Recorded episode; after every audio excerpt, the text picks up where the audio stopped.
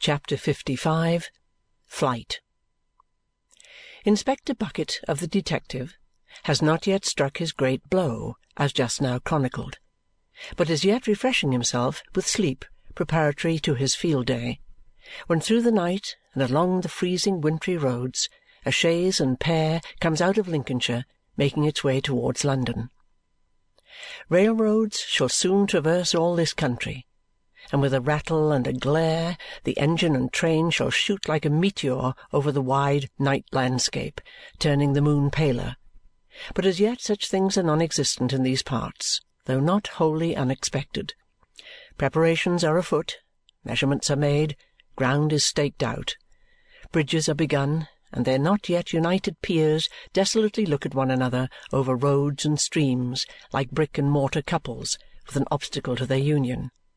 Fragments of embankments are thrown up and left as precipices, with torrents of rusty carts and barrows tumbling over them. Tripods of tall poles appear on hilltops, where there are rumours of tunnels. Everything looks chaotic and abandoned in full hopelessness. Along the freezing roads and through the night, the post-chaise makes its way without a railroad on its mind. Mrs. Rouncewell, so many years housekeeper at Chesney Wold, sits within the chaise, and by her side sits Mrs. Bagnet with her grey cloak and umbrella.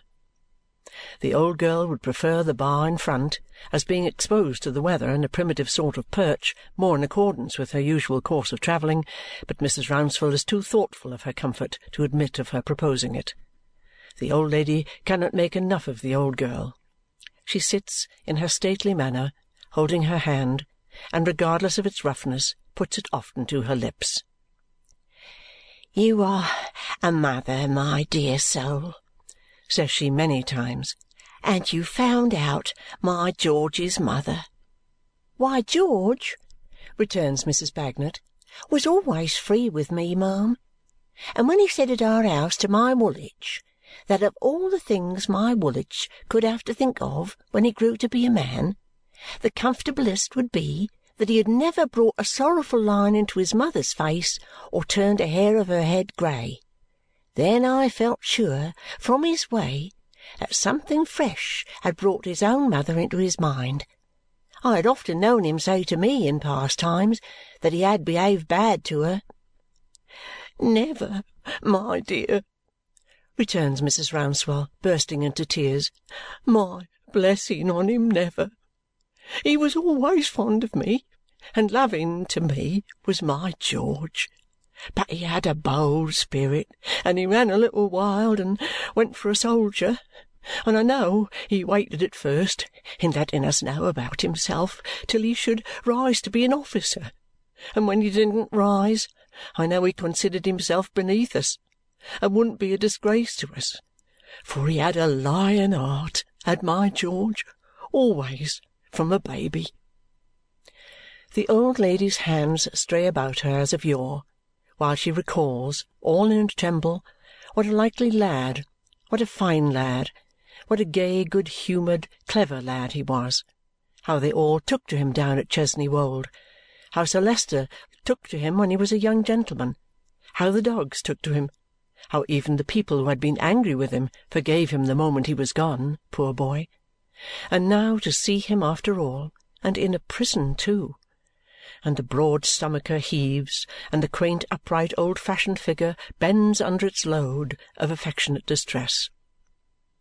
Mrs. Bagnet, with the instinctive skill of a good warm heart, leaves the old housekeeper to her emotions for a little while, not without passing the back of her hand across her own motherly eyes, and presently chirps up in her cheery manner. So I says to George when I goes to call him in to tea he pretended to be smoking his pipe outside. What ails you this afternoon, George, for gracious sake? I've seen all sorts, and I've seen you pretty often in season and out of season, abroad and at home, and I never see you so melancholy penitent. Why, Mrs. Bagnet, says George, it's because I am melancholy and penitent both this afternoon that you see me so. What have you done, old fellow? I says. Why, Mrs. Bagnet, says George, shaking his head, what I have done has been done this many a long year and is best not tried to be undone now. If I ever get to heaven, it won't be for being a good son to a widowed mother. I say no more. Now, ma'am, when George says to me that it's best not tried to be undone now, I have my thoughts as I have often had before, and I draw it out of George how he comes to have such things on him that afternoon. Then George tells me that he has seen by chance, at the lawyer's office, a fine old lady that has brought his mother plain before him, and he runs on about that old lady till he quite forgets himself and paints her picture to me as she used to be years upon years back. So I says to George when he has done, Who is this old lady he has seen? And George tells me it's Mrs. Rouncewell, housekeeper for more than half a century to the Dedlock family down at Chesney Wold in Lincolnshire. George has frequently told me before that he's a Lincolnshire man, and I says to my old Lignum that night, Lignum, that's his mother for five and forty pound. All this Mrs. Bagnet now relates for the twentieth time at least within the last four hours, trilling it out like a kind of bird with a pretty high note that it may be audible to the old lady above the hum of the wheels. Bless you, and thank you, says Mrs. Rouncewell. Bless you, and thank you, my worthy soul. Dear heart, cries Mrs. Bagnet in the most natural manner. No thanks to me, I'm sure. Thanks to yourself, ma'am, for being so ready to pay 'em. And mind, once more, ma'am, what you had best do on finding George to be your own son is to make him, for your sake, have every sort of help to put himself in the right and clear himself of a charge of which he is as innocent as you or me. It won't do to have truth and justice on his side.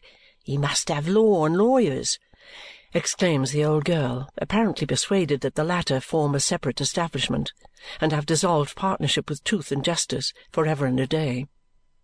"He shall have," says Mrs. Rouncewell, "all the help that can be got for him in the world, my dear.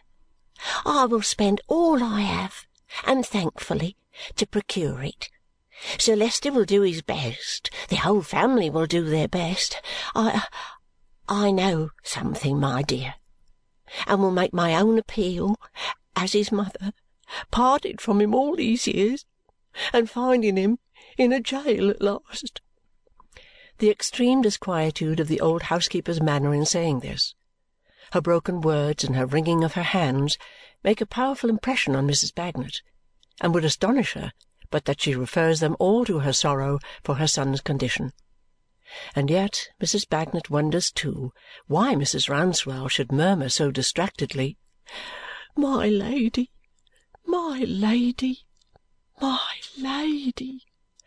over and over again. The frosty night wears away and the dawn breaks, and the post chaise comes rolling on through the early mist like the ghost of a chaise departed. It has plenty of spectral company in ghosts of trees and hedges, slowly vanishing and giving place to the realities of day. London reached, the travellers alight, the old housekeeper in great tribulation and confusion, Mrs. Bagnet quite fresh and collected, as she would be if her next point, with no new equipage and outfit, were the Cape of Good Hope the island of Ascension, Hong Kong, or any other military station. But when they set out for the prison where the trooper is confined, the old lady has managed to draw about her, with her lavender-coloured dress, much of the staid calmness which is its usual accompaniment. A wonderfully grave, precise, and handsome piece of old china she looks, though her heart beats fast and her stomacher is ruffled more than even the remembrance of this wayward son has ruffled it these many years.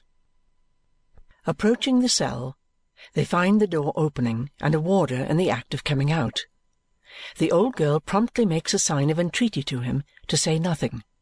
Assenting with a nod, he suffers them to enter as he shuts the door. So George, who is writing at his table, supposing himself to be alone, does not raise his eyes but remains absorbed.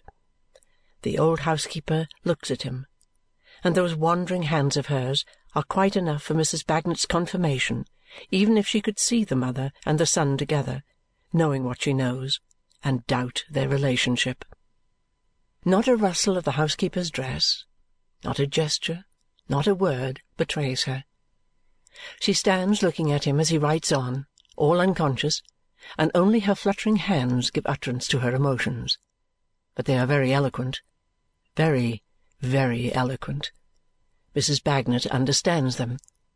They speak of gratitude, of joy, of grief, of hope, of inextinguishable affection, cherished with no return since this stalwart man was a stripling, of a better son loved less, and this son loved so fondly and so proudly, and they speak in such touching language that Mrs. Bagnet's eyes brim up with tears, and they run glistening down her sun-brown face. George Rouncewell. Oh, my dear child, turn and look at me. The trooper starts up, clasps his mother round the neck, and falls down on his knees before her. Whether in a late repentance, whether in the first association that comes back upon him, he puts his hands together as a child does when it says its prayers, and raising them towards her breast, bows down his head and cries, My George! My dearest son! Always my favourite, and my favourite still! Where have you been these cruel years and years? Grown such a man, too! Grown such a fine, strong man! Grown so like what I knew he must be if it pleased God he was alive! She can ask, and he can answer, nothing connected for a time. All that time the old girl, turned away, leans one arm against the whitened wall, leans her honest forehead upon it, wipes her eyes with her serviceable grey cloak, and quite enjoys herself like the best of old girls as she is. "Mother," says the trooper when they are more composed, "forgive me, first of all, for I know my need of it." Forgive him! He does it with all her heart and soul. She always has done it. She tells him how she has had it written in her will these many years that he was her beloved son George. She has never believed any ill of him, never. If she had died without this happiness, and she is an old woman now and can't look to live very long, she would have blessed him with her last breath if she had had her senses as her beloved son George. Mother, I've been an undutiful trouble to you and I have my reward. But of late years I have had a kind of glimmering of a purpose in me too. When I left home, I didn't care much, mother I'm afraid not a great deal for leaving, and went away and listed harum scarum, making believe to think that I cared for nobody no, not I and that nobody cared for me. The trooper has dried his eyes and put away his handkerchief but there is an extraordinary contrast between his habitual manner of expressing himself and carrying himself and the softened tone in which he speaks, interrupted occasionally by a half-stifled sob. So I wrote a line home, mother, as you too well know, to say I had listed under another name, and I went abroad. Abroad at one time, I thought I would write home next year, when I might be better off. And when that year was out, I thought I would write home next year, when I might be better off. And when that year was out again, perhaps I didn't think much about it. So on, from year to year, through a service of ten years, till I began to get older, and to ask myself, why should I ever write? I don't find any fault, child. But not to ease my mind, George. Not a word to your loving mother, who is growing older too. This almost overturns the trooper afresh, but he sets himself up with a great, rough, sounding clearance of his throat. Heaven forgive me, mother, but I thought there would be small consolation then in hearing anything about me. There were you, respected and esteemed. There was my brother, as I read in chance North Country papers now and then, rising to be prosperous and famous. There was I, a dragoon, roving, unsettled, not self-made like him, but self-unmade. All my earlier advantages thrown away, all my little learning unlearnt, nothing picked up but what unfitted me for most things that I could think of. What business had I to make myself known? After letting all that time go by me, what good could come of it? The worst was past with you, mother.